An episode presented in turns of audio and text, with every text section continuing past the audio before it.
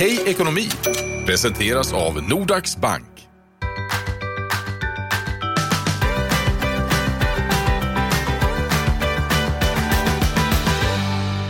Hej ekonomi kallar vi det här precis och idag ska vi prata egenföretagande. Jag är sannerligen ingen expert på det här så därför har jag återigen med mig Hanna ifrån Nordax Bank. Hej Hanna! Hej Erik! Om vi börjar då med egenföretagande, man säger det lite släpigt sådär, men vilka är det som ingår i den gruppen och hur definierar man det? Nej, men, eh, ja, egenföretagare är ju de som driver eget eller har ett eget företag. Men, men vi pratar om eh, ska man säga, mer en icke-traditionell eh, anställningsform då, så tänker vi på de som är egenföretagare eh, eller projektanställda eller deltidsanställda, kanske frilansare eller konsulter av olika slag. Eh, alltså att man inte har en sån traditionell fast anställning. Och vad innebär den här anställningsformen då, eller den här stilen? För, eh, alltså, vilka hinder kan man stöta på om man eh, till exempel behöver låna till bostad och så? Ja, men det som är svårt är väl om man vänder sig, så, som, som, man ju ska göra såklart, om man har en vad ska man säga, vanlig bank eller den banken som man har som ja, privatkund eller företagsbanken som man går till, mm. eh, så ska man ju börja där för att se om man kan få ett bolån såklart, för där får du ju eh, en lägre ränta då. Eh, men det är ju många som inte kan fylla, klicka i dem, alla de rutorna eller gå igenom det traditionella bankernas liksom, automatiska process då. Och då kan det bli svårt. Då kan man ganska snabbt fylla ur och få avslag eh, och då finns ju alternativa lösningar lösningar liksom, som, som, eh, där man tittar på helheten och potentialen. Hur ser det ut framåt? Men vad, vad är det då liksom bäst att vända sig till? Är det vanliga banken, Företagsbanken eller är det någon, någon, någon annan bank och vad kan man då erbjuda för villkor där? Liksom?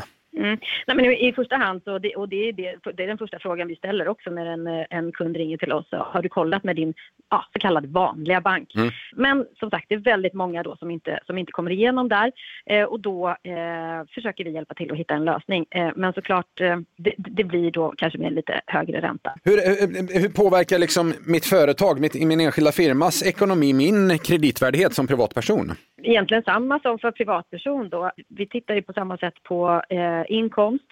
Är den för låg? Eller om det inte finns någon inkomst, mm. då blir det ju liksom ett avslag såklart. Vi måste helt enkelt kunna se till att en kund då har tagit ut lön från företaget och att vi gör en personlig bedömning liksom från varje kund och liksom tittar på den individens situation och eh, hur vi, hur vi liksom uppskattar möjligheterna för en inkomst framåt. Är det bättre att ha en fast anställning, en vanlig liksom? Det är ju såklart en trygg, eh, trygghet att ha en fast anställning, så är det ju. Eh, sen så skulle jag nog säga att det är lite skevt. Alltså, jag tror många pratar om så här, en vanlig fast anställning. Det har ju blivit vanligare om man mm. säger med, med icke-traditionella anställningsformer, eller den här fasta anställningen. Så att eh, jag skulle säga att den, den mest växande gruppen just nu är ju de som har liksom, eh, kanske egenföretagare och så. Det, det, det, är den anställningsformen om man ska säga, som växer mest. Den skapar ju en frihet med många andra fördelar än vad en fast anställning gör. Så nej, det skulle jag inte säga. Fast anställning är inte bättre. Nej. nej. Okay. Om man då står i startgroparna nu till exempel, jag ska dra igång enskild firma, vad det nu handlar om. Vad tycker du att man ska tänka på innan man startar upp?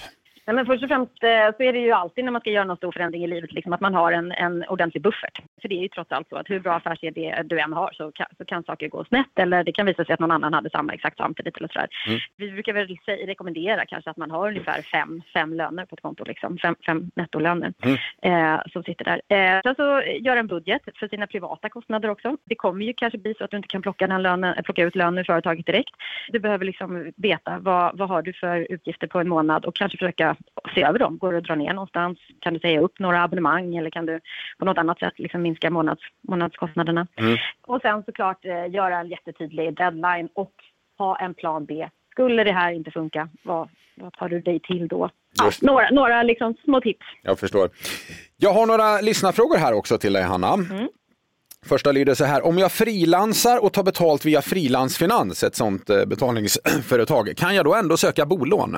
Ja, det kan du göra. Mm. Eh, men vi kommer titta på samma sätt som, som, som eh, vi gör på alla våra liksom, eh, kunder som, som kommer in från olika håll. Då, att, eh, vi tittar på underlaget. Hur ser det ut nu och vad ser vi framåt? Eh, vad har du för uppdrag framåt och eh, hur kan vi liksom räkna att din inkomst kommer se ut mm. närmsta tiden? Så att, ja, då har vi en annan fråga här. Den lyder, jag är egenföretagare som precis fyllt 60 år och behöver skaffa ett nytt boende, vilket jag inte trodde skulle bli ett problem. Men nu verkar det som att åldern ligger mig till last trots att företaget går bra. Jag tänker inte pensionera mig inom de närmsta åren och jag har en bra insats till lägenhet. Varför får jag låna en lägre summa än jag hade fått för ett halvår sedan?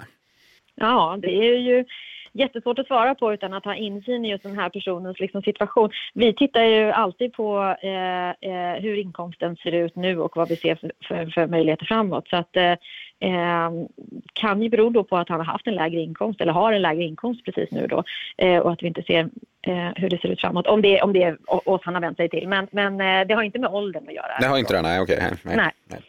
Avslutningsvis bara, Hanna, har du några råd till egenföretagare eller frilansare eller projektanställda som vill kunna köpa sin egen bostad? Ja, nej, men det är såklart att vara väl förberedd när du kontaktar banken. Du ska ha ditt underlag liksom, eh, eh färdigt eh, och eh, kunna liksom bygga eller förklara ditt case. Eh, så att Eh, för, för, för, det blir ju en, en individuell bedömning liksom, från, för varje kund. Så, så tittar vi tillsammans, gör en kalkyl och räknar och ser om det, liksom, om det här är ett lån som, som personen i fråga har råd med. Och sen såklart andra grejer som liksom inte har just med bolån att göra, men det är att man alltid måste tänka på att reservera pengar för skatt och egenavgifter som dyker upp och sen också att alltid sätta undan pengar för pension när man är egenföretagare. För det det får man tänka på själv. Det är viktigt, ja precis. Mm. Okej okay, Hanna, då tror jag vi avslutar podden för idag. Vi återkommer nästa vecka. Har man då frågor till dig så kan man höra av sig antingen via Mix Megapols eller Nordax sociala medier. Så hörs vi igen nästa vecka. Tack så mycket Hanna! Det gör vi, tack så mycket!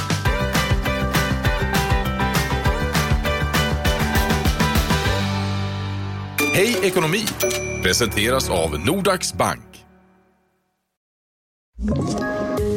poddtips från Podplay.